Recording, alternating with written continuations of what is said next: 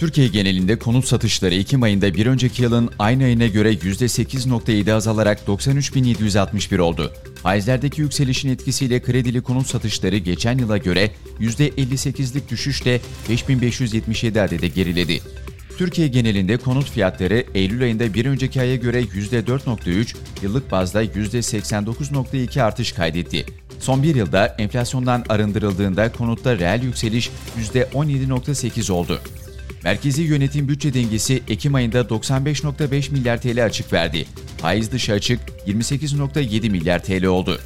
Cari denge Eylül ayında 1.88 milyar dolar fazla verdi. Bu tutar son 23 ayda kaydedilen en yüksek cari fazla olarak kayıtlara geçti. 12 aylık cari açık 51.7 milyar dolar oldu.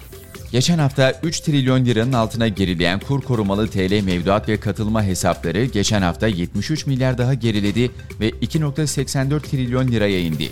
Resmi gazetede yayınlanan Cumhurbaşkanlığı kararıyla kamu alacaklarında uygulanan aylık gecikme faizi %2.5'ten %3.5'e çıkarıldı.